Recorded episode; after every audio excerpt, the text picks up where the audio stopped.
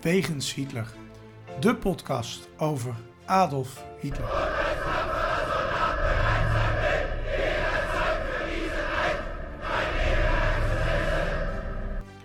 Dictator, alleenheerser van 1933 tot 1945. Een man met miljoenen doden op zijn geweten. Das war ein Befehl! Der Angriff Steiners war ein Befehl! Een man waar ongelooflijk veel verhalen over te vertellen zijn. Ook al die jaren na zijn dood.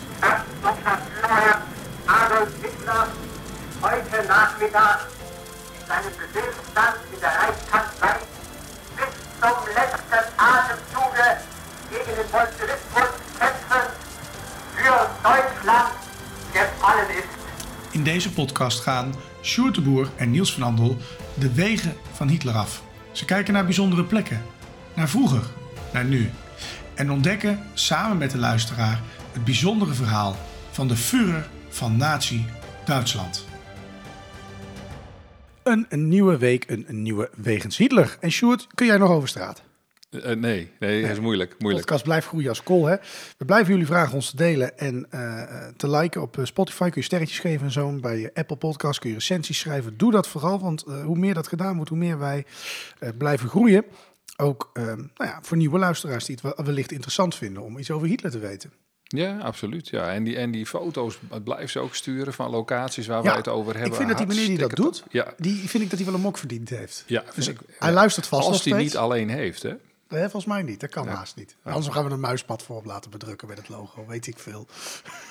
Dus als je luistert, ik, ik ben zijn naam even kwijt. Ik heb dit vanochtend nog opgezocht. Maar nou, maakt ook niet uit. Hij weet wie, die bedoel, wie we bedoelen. Eh, stuur even je adres en dan krijg je een mok opgestuurd. Dat kan even duren, want ik moet nog nieuwe mokken bestellen. Ze zijn onderweg. Ja, hij heeft waarschijnlijk ook een heleboel van die plekken be- bezocht. Hè? Dus Ja. een eh, leuk interviewtje. Weet je hij wel. had ook, ik zag vanochtend ook een plaatje voor de luisteraars die denken, nu waar gaat het over? Dan moet je dus op onze Facebook kijken. Dus die moet je ook liken. Hè? Dan Ja. kun je deel maken van onze community. Eh, maar hij deelde, stuurde ook een foto van het graf van ehm, Steiner. Dat is die Ja. van de bekende, eh, dat is waar een bevelscène uit eh, Ja. de Untergang. Ja, het was vandaag volgens mij, of gisteren? Ja, Ja, het, eh, dat hij dat stuurde bedoel je? ja. Of, Ja, kort geleden. Ja, in ieder geval, ehm, we hebben dat gezien. Dus nou, hartstikke leuk. en doe dat ook. We vinden het leuk als jullie mailen, bellen, schrijven. De mail beantwoord ik zo goed mogelijk. Soms zit er geen vraag in, dan neem ik het voor kennis aan. Maar komt helemaal goed. Hartstikke leuk. Wij hebben een eh, behoorlijke uitzending nu voor de boeg. De vorige was wat kort. Die klacht heb je van mij direct eh, te, te harte genomen. Want ik zit hier weer met een berg papier, mensen. dat wilt u niet weten. Dus we gaan snel naar ons eerste onderdeel. En dat is, zoals altijd, Hitlers dagboek.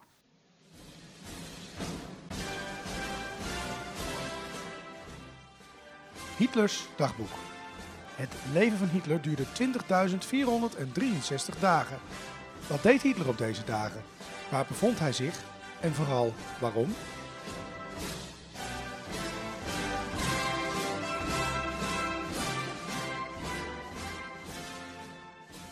Ja, deze podcast komt online op de late avond van 23 januari 1933. Zul je net zien dat iedere keer 's ochtends op staat. Maar goed. 1933. Nou, nee, sorry. We gaan Hij- met de hij- teletijdmachine hier, hè? 2023 Ja. en we gaan nou, zeg, 90 jaar terug.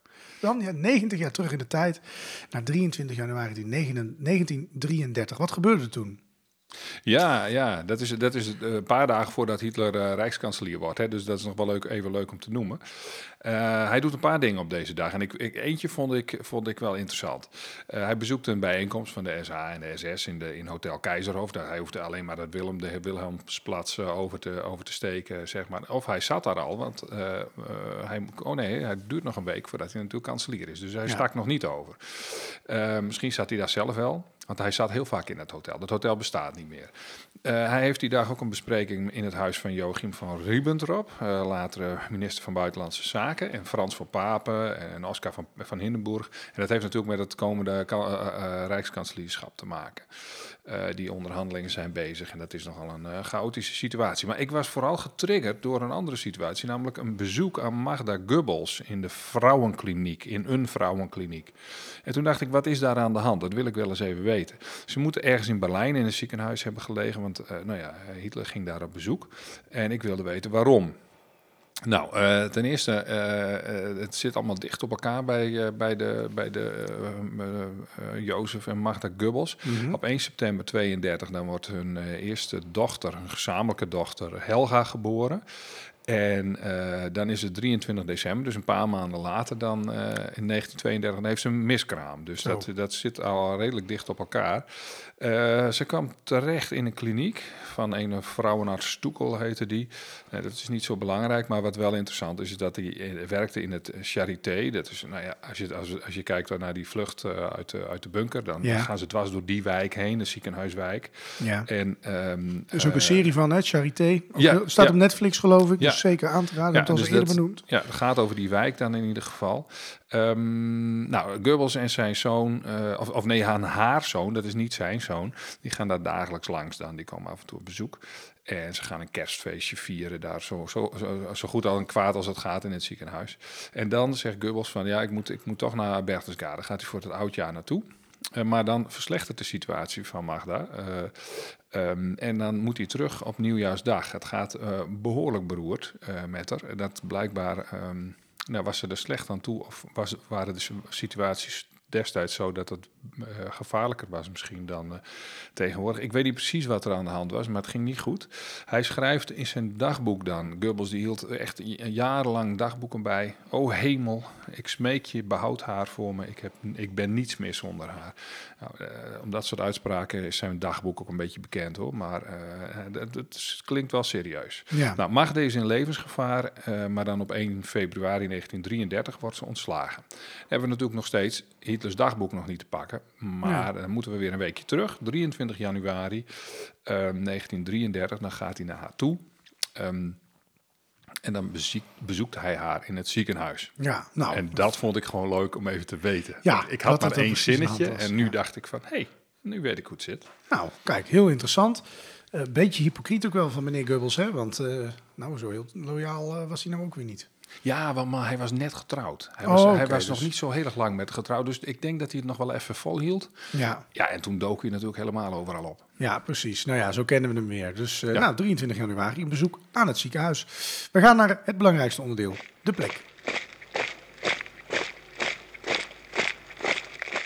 De plek. Bijzondere plekken of verhalen die te maken hebben met Hitler.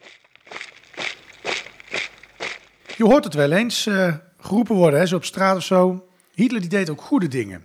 En ehm, ehm, waarom werd ik hier nou door getriggerd? Op, eh, op mijn werk in de kantine, ja, dat is echt, eh, ging het er hard aan toe. Er had iemand een Playstation verkocht en daar was een meneer en die zei dat Hitler ook heel veel goede dingen had gedaan. Die, ik, ik denk dat hij in een wat foute hoek zat, laten we het daarop houden, die meneer. Die dat vertelde, hè? ook die collega vond het een wat foute meneer en had nogal wat racistische uitspraken. Maar daar ging het nou niet om. Ik werd getriggerd door het gedeelte deed Hitler ook goede dingen. Toen dacht ik, ja, is er eigenlijk ook eens iets goeds uit die man gekomen? Hè? Want eh, nou, iedereen is het erover eens, de jodenmoord niet echt best. Ja, maar ja, goed, als jij een andere politiek aanhangt, dan wordt het lijstje natuurlijk anders dan het lijstje dat wij gaan behandelen. Nee, uiteraard. Maar het was meer zo van... maar jij zegt van, dat was een beetje een extreem. eh, nou, wat ik uit die collega begreep, was het wel een beetje het type extreem ja, rechts. hm, Oké. Een eh, wat oudere man. En, nou, die had ook wat ehm, ehm, eh, opmerkingen over de opwarming van de aarde. Die ik, zal ik hier besparen in deze podcast. Daar Ja, dat gaat vaak samen. Hè? Die- Ja. Maar ehm, ik werd in ieder geval getriggerd door het zinnetje... Hitler heeft ook goede dingen gedaan. Hmm. Ik dacht van, nou, dat is eigenlijk wel eens interessant misschien. Ehm, zo wordt er bijvoorbeeld gezegd dat hij een prachtig snelwegennet eh, heeft gebouwd in Duitsland. Hè? De, eh, de Rijksbaan. Ehm, dat land was in een verschrikkelijke crisis toen hij aan de macht kwam. De werkloosheid daalde vrij snel na Hitlers uh, gezaken. Hè? En de geschiedenisboeken, als je daar naar kijkt, dan gaat het vooral over... nou. Ehm, nou hoe kwam hij aan de macht? Wat heeft hij gedaan dan? En vooral ook natuurlijk zijn gruwelijke daden. En dat laat voorop staan, dat vinden wij ook. Um, maar valt er ook iets positiefs te zeggen over dat beleid? Dat is eigenlijk waar we het over willen gaan hebben in deze podcast. Um, het beleid van een nieuw kabinet, net als in Nederland, is namelijk ook altijd het voortzetten van het bestaande beleid en het afmaken van eerder bedachte plannen. Hè? Het is zelden zo dat ook hier in Nederland, Rutte heeft ook niet alles verzonnen. Nou zit hij er inmiddels al zo lang dat hij denk ik zijn eigen plan aan het verzinnen is, maar uh, nou, tien jaar geleden zette hij ook gewoon dingen voor van Balkenende of wie daarvoor ook aan de macht was. Hè? Um, dat zou dus betekenen dat voor het Derde Rijk um, um, dat het niet alleen een breuk werd met het verleden, maar er ook gewoon zaken door hebben moeten lopen die waren bedacht in de Weimarrepubliek. Hè, nou, een voorbeeld daarvan, dat is dat niet elke ambtenaar werd ontslagen en vervangen door een natie. Dat lijkt me ook vrij ingewikkeld, want het, het was niet zo dat het hele land natie was. Eh, scholen en rechtbanken en allerlei andere instituties die bleven zeker ook in het begin gewoon op een normale manier functioneren. Ehm, maar dat was niet alles. De gelijkschakeling die startte ook. Dat betekent dat het nazisme in alle onderdelen van de maatschappij bodem kreeg. Op school, in de rechtbank, eh, de vakbond, daar hebben we het vorige week nog over gehad in een uitzending. De krant, eh, eh, steeds meer eh, mocht er niet natuurlijk. Politiek, er was alleen nog de Duitse NSDAP op een gegeven moment. In woonwijk, het café, nou ja, overal in ieder geval was het nazisme op een gegeven moment. En als je daar nou, denk ik, een mooi beeld van wil zien, moet je de serie ehm, eh, The Man in the High Castle kijken. Dan denk ik dat je dat gewoon prachtig kunt zien. Dat is een fictieve serie, maar ik denk wel dat dat een beetje een beeld geeft van wat we hier omschrijven. Ehm, en bijvoorbeeld, wat ook niet meer mocht, was luisteren naar de Britse radio. Want dat, eh, daar werden natuurlijk dingen verteld die niet helemaal hoorden bij Hitlers ding. Ehm, ehm, nou, wat we dus even gaan proberen te doen in deze uitzending is dus Hitlers beleid bekijken. Ehm, nou, een positief punt daar dan uit, laat ik het maar even zo zeggen. Ja. Eh, symbolische plek te benoemen eh, en wat het daar mee te maken heeft. Hè? Want het, ja, het heet natuurlijk nog steeds de plek, dus we kunnen heel moeilijk een algemene beschouwing gaan houden. Nou, Ja, ik heb, ik, heb wel, ik heb wel even gekeken Ja. naar een, een lijstje met dingen die eh, genoemd werd, zeg maar. ja. Dus je zou misschien dit kunnen aanvullen. Eh, Interessant, stuur maar op. We willen, willen Ja. het graag horen. Ja. Maar ehm, dit zijn gewoon veel genoemde dingen. En dan checken we ook meteen even... Oké, is dat dan positief of is dat niet positief? Ja. Wat blijft er dan overeind? Ja, precies. Hartstikke interessant. Dus stuur het vooral op. We vinden het leuk als jullie meedenken. Ehm, nou, waar beginnen we dan maar eens mee? Ehm, ik denk dat iedereen het wel weet dat Hitler een groot liefhebber was van kunst. Naast zijn mislukte schilderplannen hield hij in ieder geval erg van kunst. Eh, welke plekken horen daar nou bij? Nou, ja, eh, daar beginnen we steeds even mee. Dat is, dat is handig om te doen. Linz bijvoorbeeld, hè, de, de plek waar hij de puberteit had doorgebracht. eh, daar, daar wilde hij een groot museum bouwen. Eh, Berlijn, daar werd eh, kunst opgeslagen en er werd natuurlijk was een groot museum Insel waar er allerlei kunst was. Eh, München, ook, ook interessant. Ja. Dat is weer dan negatief. De Entartete Kunst, de, de, de, die werd daar zeg maar een, een tentoonstelling van, van de kunst die niet mocht en zo. Die slechte kunst, die werd daar getoond en ging daarna op reis. Eh, maar ja, als je het over kunst hebt, heb je ook over het theater. Ook in Linz bijvoorbeeld. En uh, ontdekte die Wagner. eh, de opera in Wenen. Dus, dus eh, er zijn heel veel plekken. Ja, en ehm, nou kun je een hoop zeggen, maar eh, nou, eh, van goede muziek eh, genieten of mooie muziek, van prachtige schilderijen, dat is een positief puntje voor Hitler. Dus 1-0 voor Adolf. Ja, en, en hij, ja, nou ja, hij stimuleerde ook kunst, luisterde, luisterde ernaar. En dan, dan hebben we het dus inderdaad over Wagner of zo. K- keek daarna, bezocht musea, tekende zelf. En dat lijkt ook positief. Maar eh, kijk, die, die nazi-benadering van de kunst, die was wel beperkend. Dus ehm, eh, bepaalde modernistische stromingen mochten dan weer niet. En eh, musea die, die, die in Berlijn vol stonden met modernistische kunst, er werd de kunst weggehaald en werd in het in, in tegenover, daar staat het paleis van de prinses, werden ze dan in de kelder gedumpt. Eh, nou ja, dat is al een dingetje van je zegt van ja, kunst, eh, je mag ervan houden, maar dit ging wel weer een kant op die meer bepaalde welke kant de kunst op ging.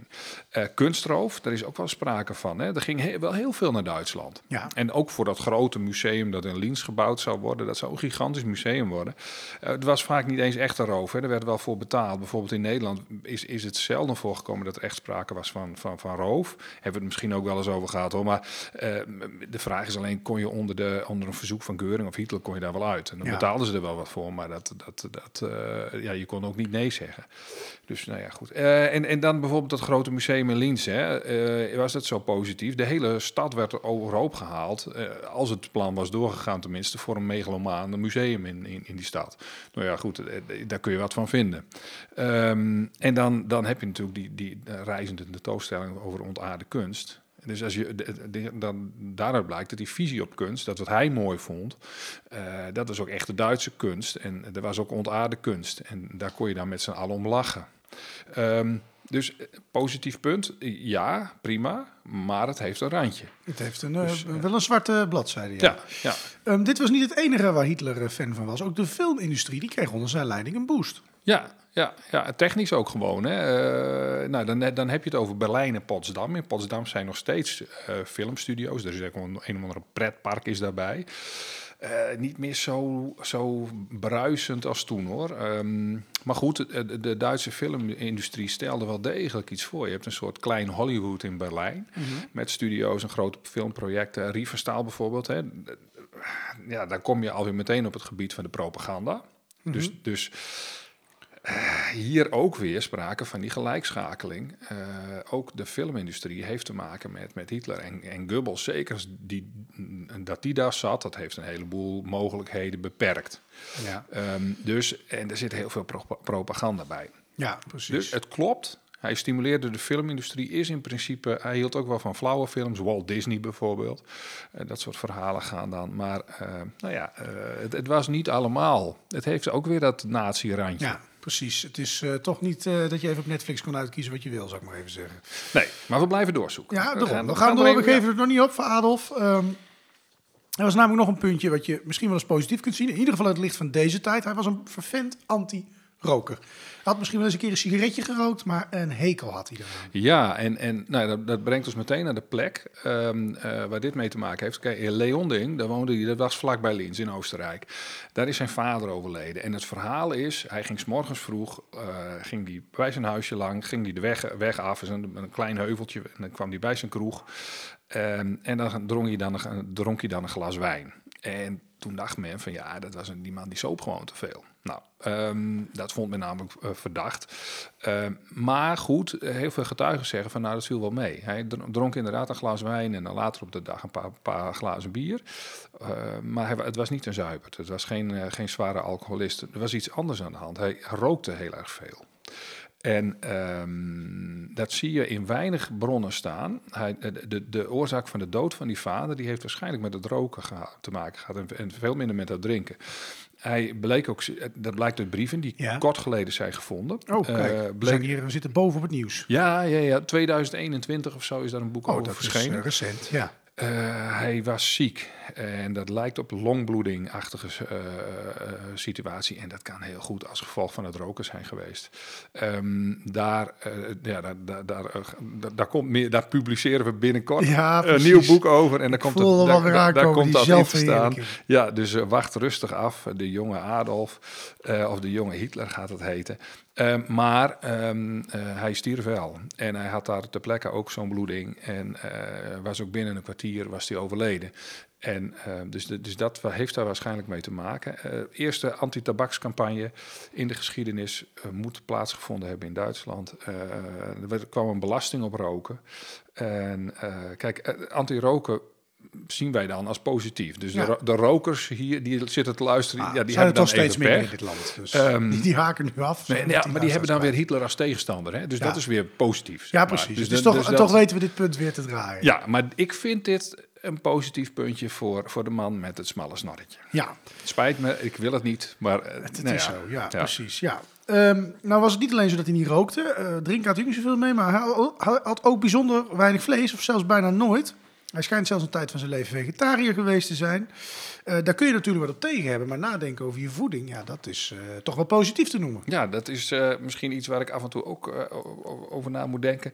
Maar goed, um, de plek, dat is natuurlijk wel even een ding. er zijn natuurlijk heel veel plekken waar je kunt eten. En dat geldt voor Hitler ook. Maar de eetzaal in de Rijkskanselarij is er natuurlijk één. Maar ook in die bunkers van zijn hoofdkwartieren, daar werd ook gegeten. En dan at hij ook met zijn, met zijn secretaresses en, en, et cetera, et cetera. Heel veel plekken. Nou, ik ben geen, geen vegetariër, maar goed, um, dat hij er was, is dus niet niet negatief. Um, maar er wordt wel betwijfeld of hij wel echt zo'n vegetariër was. Want hij, het lijkt erop, die bron die heb ik vandaag nog gevonden. Mm -hmm. En ik denk, ik pomp hem er meteen in, want die vond ik interessant. Hij at periodiek geen vlees, zegt hij. Uh, en het, het, het, was ook een wetenschappelijk artikel, dus ik vond het wel een interessante bron. Ik ga hem nog uitzoeken hoor. Um, maar als je van een kwaal af wilde komen, en dan kreeg je wel eens advies van, nou ga, hou dan even op met, uh, ga even keurig eten. En dan at hij geen vlees bijvoorbeeld. Um, nou, als je bijvoorbeeld zweten of dat hij een heel hij had heel vaak een opgeblazen gevoel, last van zijn buik en zo. En uh, nou, dan at hij geen vlees en dan ging dat blijkbaar beter. Samen met eh, s- eh, spuitjes van Dr. Morel. Ja, precies. We hebben een special over gemaakt, die is nog te luisteren. Ja, ja. Eh, eh, er zijn getuigen, zoals Speer en een kok trouwens, uit een kok in trouwens, van uit die tijd, die zeiden dat hij echt van Beierse worst hield. eh, en, en van ham en lever en kip en zo. Dus hij at wel, wel, wel vlees. Eh, dus het is toch eigenlijk weer wat minder positief dan, dan, eh, dan het lijkt. Alhoewel, ja, eh, hij mag van mij vlees eten. Dat, daar heb ik daar verder niet zoveel op tegen. Nee, precies. Team vlees. Ehm, het scheelt natuurlijk wel weer een klein beetje ad Hitler. Want in discussies worden vaak vegetarisch toch wel vergeleken met Hitler. Die had ook geen vlees. Dus dat is weer een Ja, dat is waar. Ja, Dus ja, heeft hij toch ja. wel iets positiefs veroorzaakt daarmee. Dat is dan toch Ja. wel weer fijn. Ja, dat is fijn voor de... Ja, dat- precies. Nu we het toch over eh, dieren hebben, hè? Hitler die had ook wat met dieren. Ja, ja, die had, ja absoluut. Ja. Ehm, eh, Blondie, eh, bijvoorbeeld, de hond, hè, dat was niet de hond die hij altijd had. Hij had ook andere honden, want Blondie ging ook een keer dood. Eh, maar hij, hij, hij regelde bijvoorbeeld dat het ontleden van, van levende dieren vanaf 1933 verboden was. Ja. Dus nou ja, goed. eh, hij reguleerde ook de jacht, dat is in 1934. Dus het jachtseizoen werd ingevoerd en dan krijg je een ma- maximaal aantal te dode dieren. De jacht bestond nog, maar hij deed er iets aan. Voor de jongere luisteraars, jachten, jacht is niet dat tv-programma. Dat is echt dat je een dier doodschiet. Ja, niet dat ze, ja, je hebt zo'n programma, jij kent het waarschijnlijk. Nee, geen idee. Jachtseizoen, dan gaan ze achter een Nederland, bekende Nederlander aanrennen door het land. Oh, ja, Maar- nee, doe dat Nee, niet. maar dat is doe eh, dat iets met een anders. hè. telefoontje of zo. Voor de ja, luisteraars niet. onder de 20, het is iets anders. Ja. Ja. Sorry even deze flauw opmerking tussendoor, maar ik denk als beter lang opgestoord. Nou, gaan we direct over naar de Rijksnatuurschutzgesetz, naar het, moet ik zeggen. Ehm, dat is een wet voor eh, natuurbehoud. Eh, dat, eh, hij zei van, nou, we moeten ontbossing tegengaan, diersoorten beschermen. En dat vind ik eigenlijk best positief.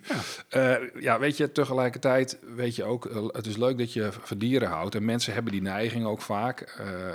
maar we hebben het wel over een bewind waar proeven op mensen natuurlijk later in kampen een volle gang waren. Dus zijn genade gold niet voor alles wat, wat leefde. Nee, maar het vreemde is goed, dat hij van dieren had en dat wel beesten vond. Het is een beetje tegenstelling. Ja, dat is, nou ja, goed. Nou ja, de, Ja. En, en als we het dan toch over dieren hebben, ga ik toch nog even de plek noemen. Als we het hebben over zijn hond, dan, gaan we naar de bunker. Aan het einde van zijn leven. Nou, eh, wie die film weer gezien heeft over het einde van zijn leven, die weet ook dat, dat, dat hij zijn eigen hond eh, eh, ook met een Ciancali-pilletje liet ombrengen. Eh, nou goed, die had hij ook kunnen laten lopen. Er was niks aan de hand geweest, maar dat wilde hij ook niet. Ehm, nou ja, er is best wat positiefs te zeggen over dat natuurbehoud. Dat kunnen we concluderen, maar goed. Uh, het doden van zijn hond is gewoon aardig om te noemen. Dat, uh, zover ging zijn liefde natuurlijk ook weer niet. Of juist wel, hè? Dat hij zoveel ja. van zijn hond hield dat hij hem niet aan een ander gunde. Ja. Er was ook nog wel iets met Hitler dat hij wel eens uh, vriendelijk goedemorgen zei. Hij schijnt fantastisch aardig voor zijn personeel geweest te zijn. Ja, nou ja, ja, ja, ja, dat, Over het algemeen cadeautjes en zo, daar hebben we het wel eens vaker over gehad. Um, had ook nog een ideetje, een klein ideetje, vrij fundamenteel denk ik toch wel, de Anschluss van Duitsland en Oostenrijk. Dus eigenlijk dat Oostenrijk bij Duitsland kwam. Is dat, als je er achteraf naar kijkt, helemaal nou echt zo'n verkeerd idee? Ja, ja, als je het vergelijkt met één Europa, dan, dan, dan is het een kleine variant ervan met mensen die ook nog dezelfde taal spreken. Uh, tenminste, die lijkt wel echt verdacht veel op elkaar. Ja. Dus dat, nou ja, we hebben het over Oostenrijk, we hebben het over Levene, we hebben het over Liens. Um, uh, mag een wens voor één Europa, mag die wel? Uh, en, en, en waarom een wens van één Duitsland? Waarom zou dat niet mogen? Nou, veel Oostenrijkers wilden dat ook jaren en die deden ook graag mee. Um, dus nou ja, goed. Uh, het proces van die eenwording was weer een ander verhaal. Kijk, het, het, idee is, is, is prima. En als beide landen dat, wil, landen dat willen, nou, dan moet je dat vooral doen. Levert ja. misschien een machtsblok op. Dat vinden andere landen weer niet zo leuk. Maar goed. Nou, waren die landen ook niet helemaal vrijwillig gescheiden van elkaar meer? Verdrag van Versailles, heel Oostenrijk werd, werd Ja, werd maar het bleven wel, het waren altijd wel twee verschillende landen geweest. Nee, maar in de zin van, die, die, landen waren natuurlijk compleet gestript van hun macht. Dat was onderdeel van Hitlers ja. vuur. Hè? De, ja. Oostenrijk-Hongarije, daar was niks meer van over bijvoorbeeld. Nee, nee, nee. Nee. En, Dat, en dat was ook al gaande daarvoor natuurlijk. Dus dat is ook weer zo'n zo'n doorlopend uh, verhaal. Ja. Maar, uh, maar, goed, dat is een andere... Ja, ja. ja. En, nou, en wat ze ook deden om, om het voor elkaar te krijgen... dat was, uh, je, wat je, ook, ook al ben je Oostenrijk en ben je vriendelijk in de richting van, van Duitsland... wil niet zeggen dat je meteen als, als nee. premier nee. je, je, je, land weggeeft. Dus, dus die, Oostenrijkse regering moest onder druk worden gezet. Hè. Schuschnigg van Oostenrijk, die, die, die, die laden ze, die, die laden ze dat ik begin al Duits te spreken, die nodigden ze uit ehm, en, en ze dicteerden hem hoe hij de Oostenrijkse politiek moest inrichten. Hij moest ook meer naties in zijn kabinet opnemen en zo. En nou ja, zij Zinkwart werd dan minister van Binnenlandse Zaken en dat was een soort van, van, van sleutelpositie voor, voor, voor, voor nou ja, deze kwestie. Um, en het leger stond al klaar, dus dan hadden ze een gesprek met die Sjoesnik. Ik dacht op de Obersalzberg of zo. Maar en zetten ze hem zwaar onder druk om dit allemaal te regelen. Maar er was dus helemaal geen sprake van een vrije wil of zo. En, toen, toen, het leger de, grens overtrok en Hitler daar achteraan. Uh, ja, weet je, toen, toen uh, gebeurde er verder niks. Er werd niet geschoten en zo. En vond wel een volksraadpleging plaats ook. Maar ja vond eerst een, twee weken of zo. Ja, dat stembiljet was ook nogal bijzonder, geloof ik. Bijzonder heel stembiljet, groot, ja, en heel erg klein daaronder, nee. Nee, precies. En, en, en nou ja, goed, ook eenzijdige propaganda. Het was niet vrijwillig, uh, zeg maar niet uh, uh, vrijwillige uh, keuze, denk ik. Um, maar er was toch een heel hoog aantal mensen was voor. En uh, ja, door dat stembiljet alleen al hebben, hebben we nu altijd het idee van dat was toch weinig betrouwbaar. Het, het was een succes voor Hitler. Uh, uh, het, is, is, het is landje pik, dus ik vind het eigenlijk niet zo heel erg positief. Zeker de manier waarop hij het heeft gedaan. Mm -hmm. maar ja, samengaan is op zich niet zo'n probleem. De manier waarop klopt niet. Dus ik, ik vind het er toch uiteindelijk niet één. Nee. Um, ik denk dat toch wel het meest genoemde succesvolle beleid van Hitler de snelwegen zijn die in Duitsland aangelegd zijn. De Rijksbaan. Um, het is misschien wel een beetje jammer dat het meteen het enige voorbeeld is dat je de gemiddelde Nederlander kunt vragen als positief beleid. Ja, ja, maar ja. hoe positief was dit nou eigenlijk? Ja, nou ja, op, op zich prima. Hè. je je, je uh, legt snelwegen aan, uh, infrastructuur uh, ja, goed opbouwen in die tijd. en tegenwoordig kijken we er een beetje anders tegenaan natuurlijk. Want je, je, ja, je hebben het milieu. Ik ben hier ook met de auto naartoe gekomen natuurlijk. Maar goed. Ja, we wonen gelukkig maar 20 meter verderop. Ja, daarom. Dus ik, ja, het is wat triest dat je de auto hebt gepakt. Nou, het regent ook niet. Ik denk, ik ga gewoon met de auto. maar nou ja, op zich niks mis mee met, met dat idee. Um, de, de, plek trouwens waar we even naar moeten denken voordat, we, voordat ik verder ga. Je hebt de AVUS, de nou ja, automobielverkeer, zo'n Ubungstrasse. Dat is een, dat is een Ubungstrasse. Dat is een, uh, een plek vlakbij Berlijn. Uh, als je naar Berlijn rijdt en je rijdt een goede route over, dan kom je op de E51. En ja, dat is de eerste snelweg van Europa. Uh, die ligt daar nog. Daar ligt zelfs nog een tribune uit de tijd van, van later. Was dat, was dat, konden ze daar ook racen. Dat is volgens mij West-Berlijn. Maar goed, doet er niet zoveel toe. En tussen Keulen en Bonn lag een, uh, lag een snelweg. Die, die trouwens, die werd gedegradeerd, die tussen Keulen en Bonn, tot B-weg, toen Hitler de snelweg van Frankfurt am Main naar Darmstadt aanlegde. Want dat moest de eerste snelweg zijn oh. uh, die er was. En er waren er dus al twee. Uh, en die, nou ja, die ene werd dus gedegradeerd. Um, het gaat hier om bestaande plannen, bestaand beleid. Ja. En dat werd wel doorgezet, dus die keuze heeft u wel gemaakt. Van dat gaan we, en, en het is, is en, en, maar, maar goed, dat, uh, het was niet van hemzelf, dat idee. Nee. Het had ook, en daar zullen mensen van opkijken misschien, het had ook weinig effect op de werkloosheid. Um, per jaar zou er iets van 1000 kilometer bij komen. En dat was in 1943 waren dat er nog maar 4000 kilometer. Dat was een aardig stukje trouwens hoor. Maar ja, ja. Uh, ja dat, per jaar vanaf 1933 zit ik toch, kom ik toch iets hoger uit. Ja, dan um, zou je 10.000 moeten zitten. Ja. ja, ja, nou goed. Kijk, de rest... Uh, maar op zich is dat al een stuk meer dan dat onze huidige regering voor elkaar krijgt. Ja, maar dan ligt er ook aardig wat. Als je, als je, nog, als je nog 10.000 erbij legt, dan... dan nou ja, laten we zeggen, dan is de hele Ve Veluwe van, verdwenen. Ja, maar 60% van Nederland is nog steeds boerenland, heb ik jou pas een ja, keer horen. Ja, op zijn minst, dus, op zijn minst. Ja, dus ja, uh, er dus, is nog wat ruimte. Maar weer een andere discussie. Er kwam dus in ieder geval flink wat snelweg bij, maar het was lang niet genoeg. Nee, nee niet, niet om die, die werkloosheid tegen te gaan. Daar werkt het niet voor. Dat werd wel zo gepresenteerd en zo. Dan denken ze dan wel vaak.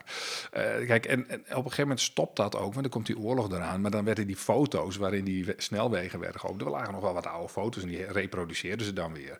Dus dat was, is heel veel propaganda. op een gegeven moment wel door dat er geen weg lag.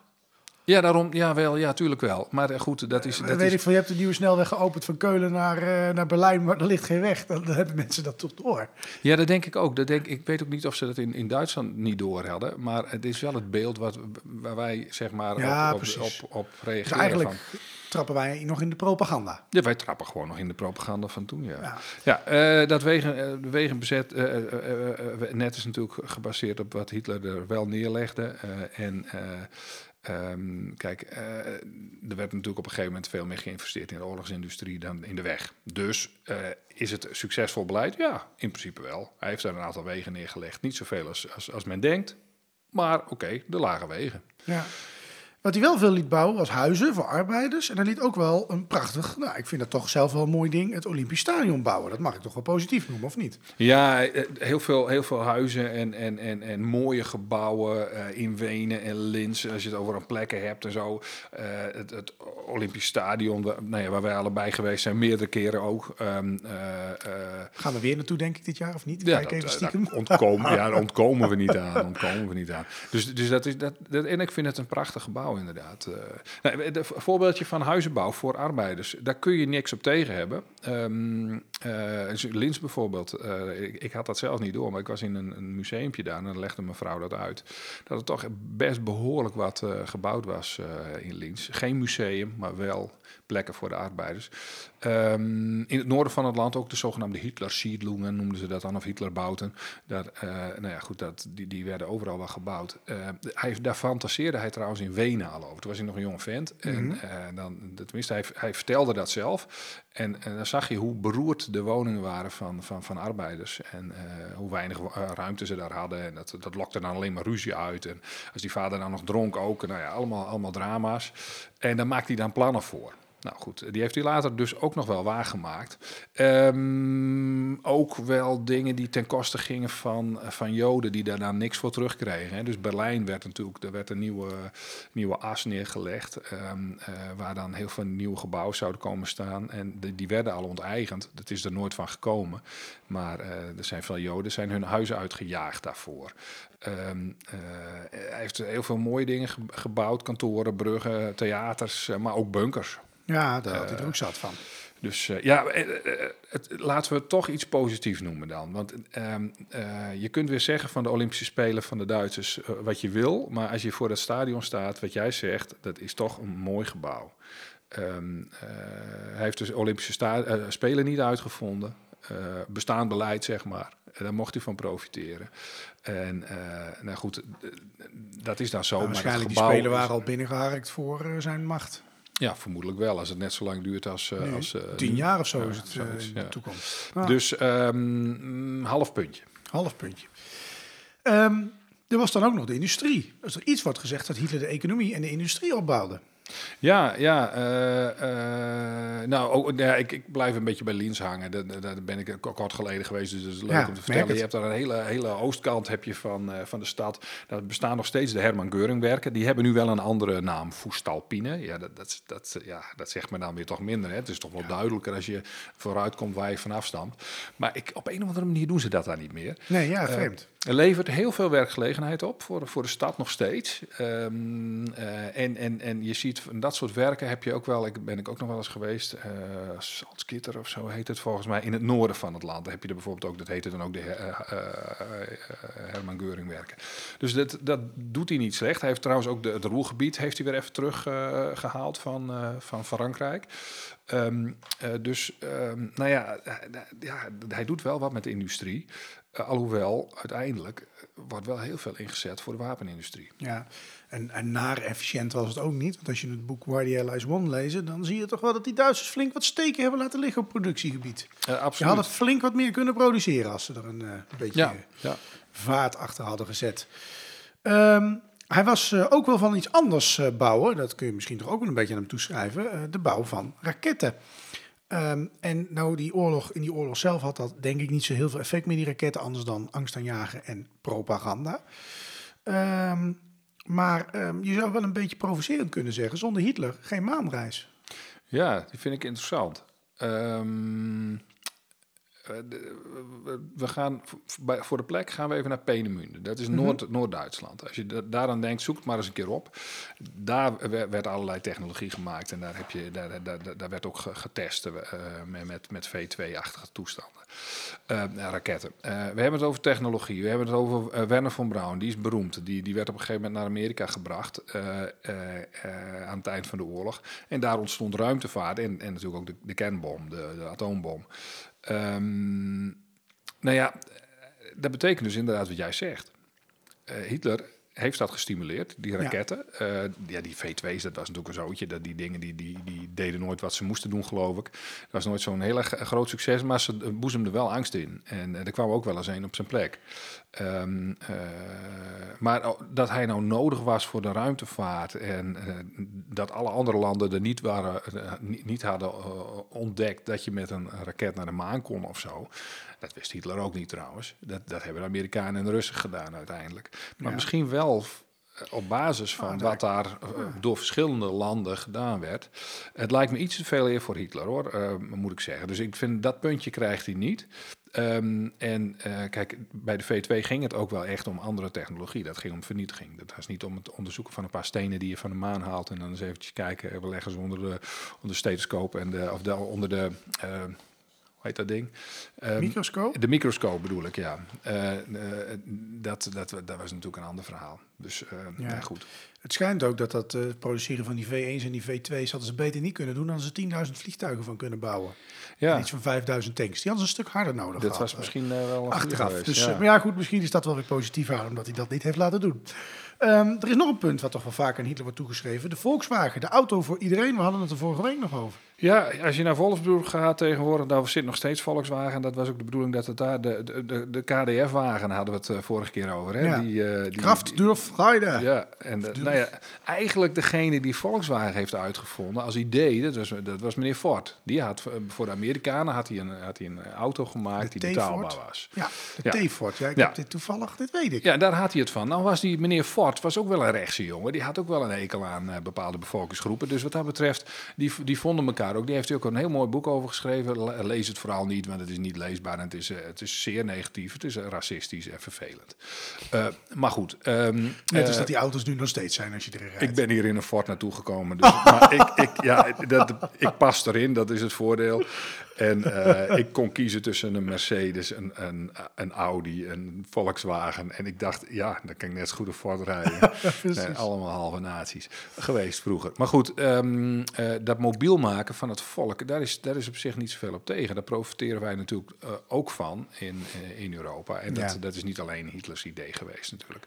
We lopen nu natuurlijk tegen de randen daarvan aan, maar daar had ik het al over gehad. Het idee van die Volkswagen, van het type en op de wielophanging heb ik me laten vertellen. Uh, kwam wel van die Joodse man, meneer Gens heette die volgens mij. En Porsche had dat overgenomen. Daar komt nog bij, dit punt krijgt Hitler sowieso niet, want het, de, de hele Volkswagen is nooit in productie genomen in het Derde Rijk. Er was gewoon geen ruimte en tijd meer voor. Nee, die fabriek schijnt wel redelijk stilgestaan te hebben, heb ik me dan weer laten vertellen. Dus uh, ja.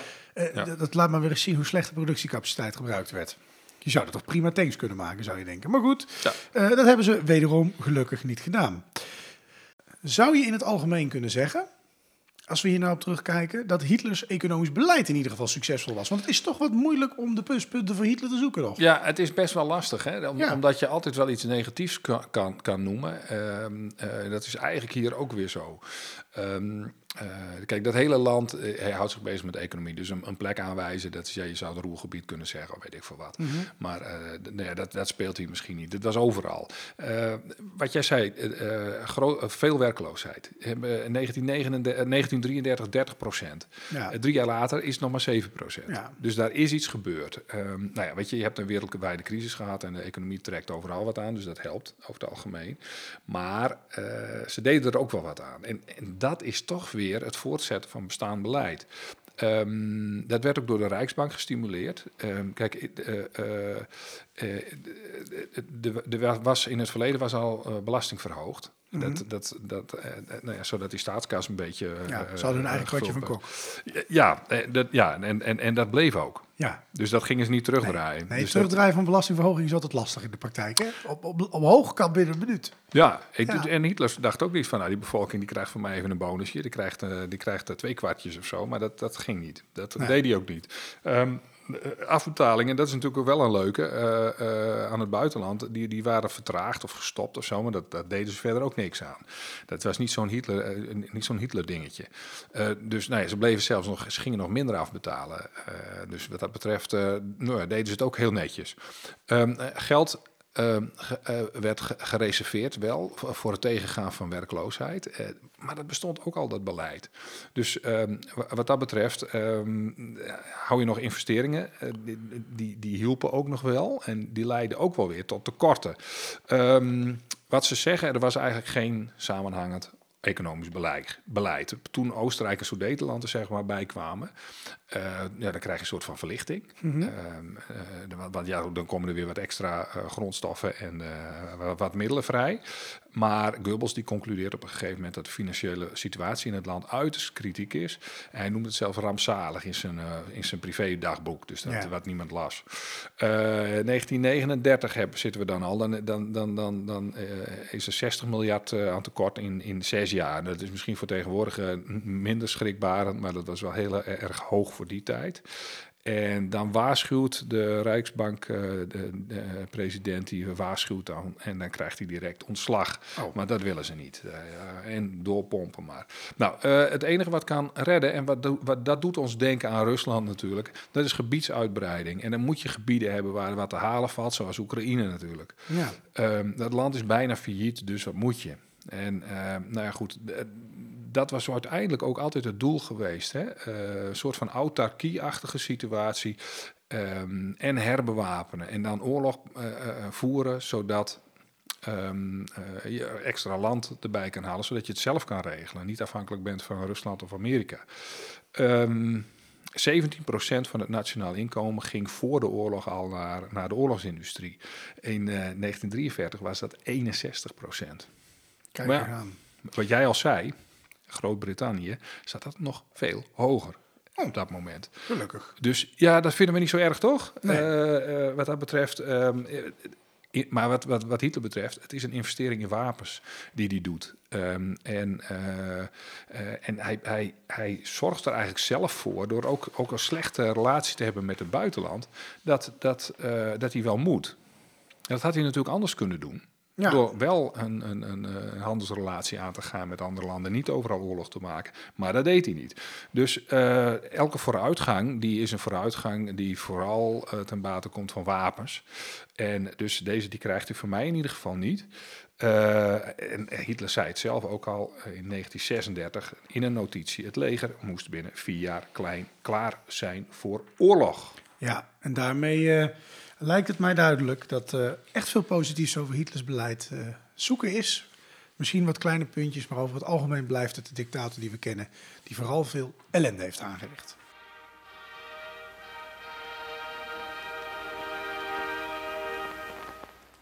Het Nazi-journaal. Bijna dagelijks is er nog wel iets te vinden over Hitler. Hij is in het nieuws, er is een stuk in de krant, een tweet, een interview of een nieuw boek. We bespreken het in het Nazi-journaal.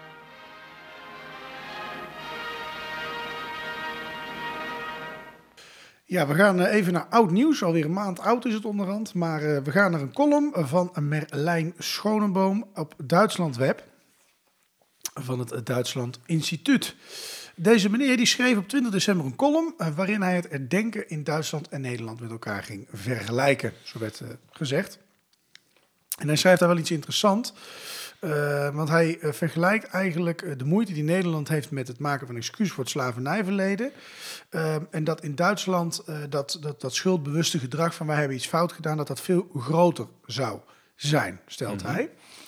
Ehm, toch, ehm, nou ja, zo stelt hij, duurde dat, dat besef ook bij de Duitsers best wel lang. Hè? Want tot diep in de jaren negentig, voordat het herdenken van de holocaust eigenlijk breed geaccepteerd was en dagelijkse kost in Duitsland.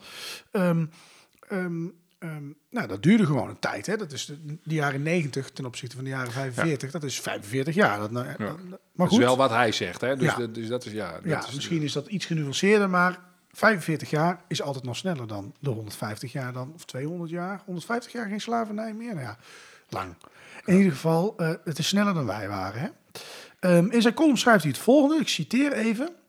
Het besef dat het verleden het heden doorwerkt, zoals Rutte het in zijn toespraak noemt, is dagelijkse kost in Duitsland. Van basisschool tot aan tv-programmering. Maar kan Duitsland ook iets leren van Nederland?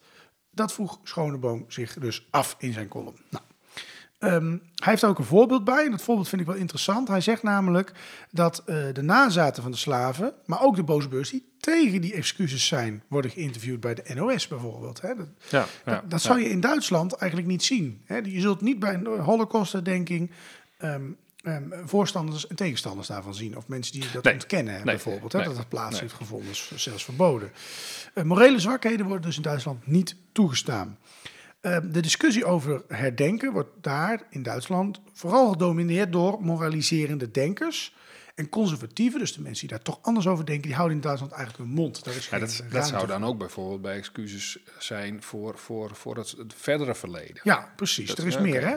Ja. Dus er is meer, eh, want ook Duitsland heeft eh, toch wel eh, een, een koloniaal verleden. Misschien minder groot, maar nou, er zijn wel meer dingen waar ze ja, eh, ja, ja. ehm, ehm, zijn. Die Schoneboom die zegt daarover, dan citeer ik weer even, dat het ook een nadeel heeft. De Duitse herdenkingscultuur heeft dan wel een meerderheid achter zich, maar de onvrede onder de conservatieven is groter dan het lijkt. Inwoners met een migratieachtergrond komen daarbij nauwelijks aan het woord. Ja, dat zijn dan twee dingen. Hè? Dus Ja. dat zijn eigenlijk twee, twee één gevaar en, en Ja. mensen niet aan het woord laten. Ja. Dat, ja. Oké, en dat is wel vaak de beste manier om mensen weer in een tegenstand te krijgen, zal ik maar even zeggen. Ja. Nou, iets om over na te denken. Iets om over na te denken. Ja, wij vinden er verder eh, niet veel van, want ik denk niet dat wij vinden dat je tegenstanders van holocaustherdenking in het journaal moet laten. Maar is Nee, nee, maar dat is wel de basis waarom dingen heel moeilijk Ja. zijn. En ik denk dat de DDR, daar, die zit er ook nog tussen. Die, die- je, je, je kunt heel moeilijk kiezen voor die andere partij. Dus doe je dat in de kwestie van de slavernij ook niet. En in Nederland blijkbaar wel, omdat we mm, misschien minder zondig zijn in het recente verleden. Ja, precies. Nou ja, ja, daar valt ook nog wel wat op te noemen hoor. precies. Want daar ken ik ook wel een paar voorbeelden van. Dat eh, laten we voor nu even wat het is. Ja. Nou, interessante gedachtegang dus, en die wilden we even hier benoemen. Dan had jij nog een leuke tip. Ja, ja, de, en, en, en, en, ja, dit zijn tips van luisteraars weer. Hè? Ja. Dus het, ik, het wordt wel echt leuk. Ehm, een, een Duitsstalige podcast. Ik heb er vandaag nog even zitten luisteren. Het is heel apart. Je moet wel een beetje Duits spreken. Akte 88, die 1000 Leben des Adolf Hitler. Bij de SWR, ehm, of van de SWR. Je kunt het gewoon eh, op, op je, je, je podcast eh, leverancier kun je het gewoon horen. Eh, Adolf Hitler, Eva Braun en Martin Bormann, die vliegen rond in het universum. Dit is een, dit is een, een complottheorie, maar dan in het extreme. Ze leven nog, daar komt Ja. het op neer. Ehm, eh, maar ja, goed, in het universum, en het, is heel vreemd. Ze gaan op een gegeven moment in de richting van een zwart gat. En dan, je krijgt rollenspelletjes.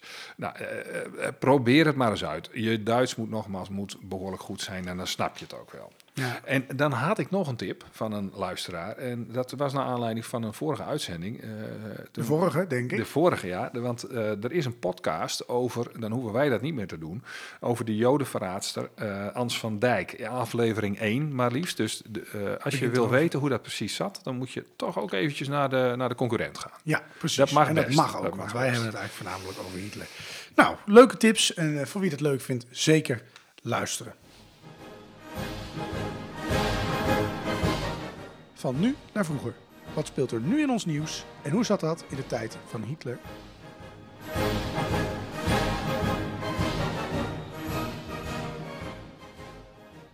Ja, dan gaan we naar ons slotakkoord van nu naar vroeger. En we gaan daar twee dingen bespreken. Eh, de eerste is iets eh, dat nou, de Telegraaflezer hartstikke leuk zou vinden. En dat is een column van eh, de beste man Ah, Ronald Plasterk. Ja, voormalig minister van Binnenlandse Zaken van... eh, ik moet even denken ook alweer waar de beste man van was van, de, PvdA. van de PvdA, ja, ik ja. heb wel eens een keer bij een lezing van hem gezeten. Ik vond het een hele... Hij heeft er onder andere voor gezorgd dat in het onderwijs op een gegeven moment eh, salarissen wat eh, omhoog gingen. Daar heb ik nog wel een beetje van geprofiteerd. Ja, dus ik ben hem wel een beetje dankbaar persoonlijk. Vandaar dat we hem even bespreken. Nee hoor. Nee.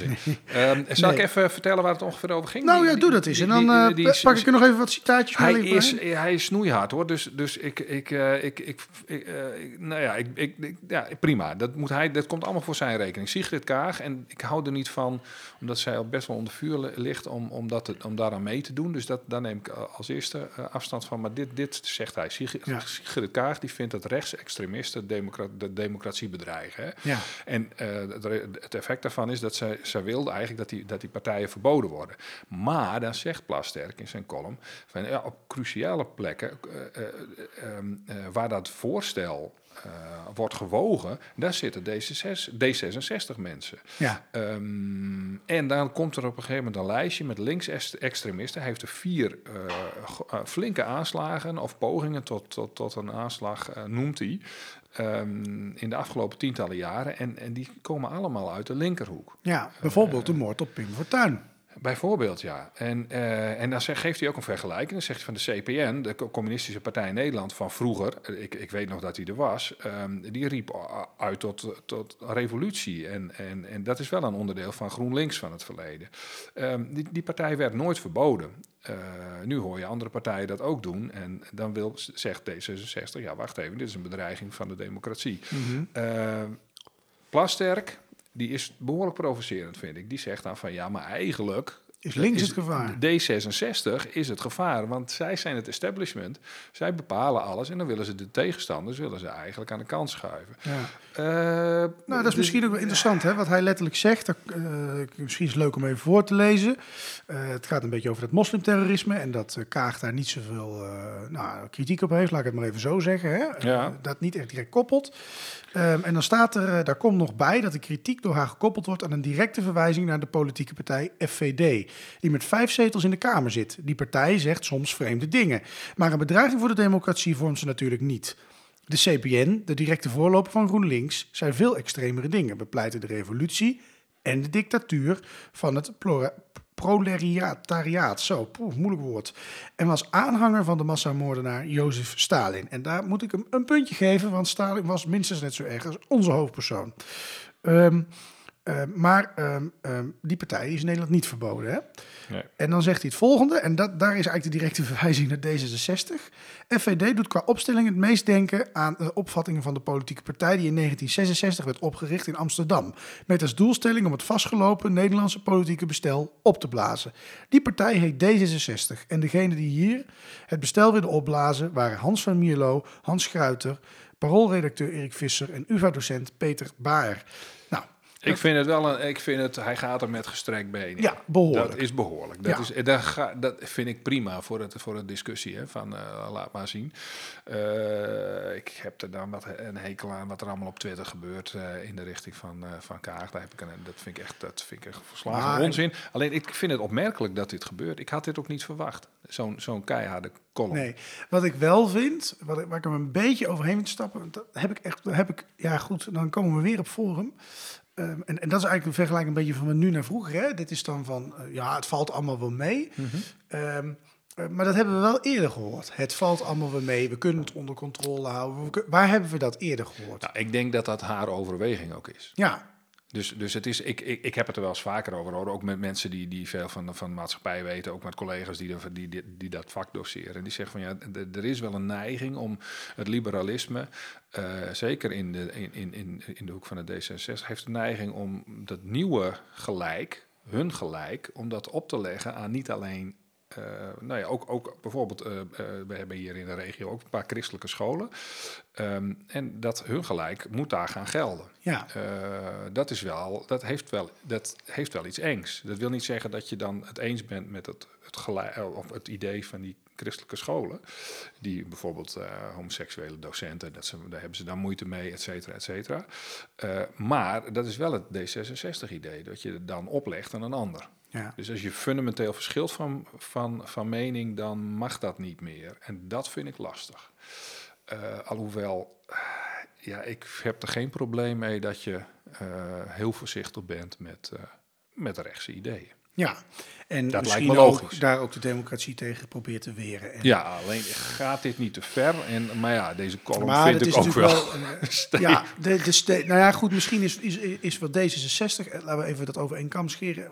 De ene gestrekte been, en is dit nu het andere gestrekte been dat erin komt.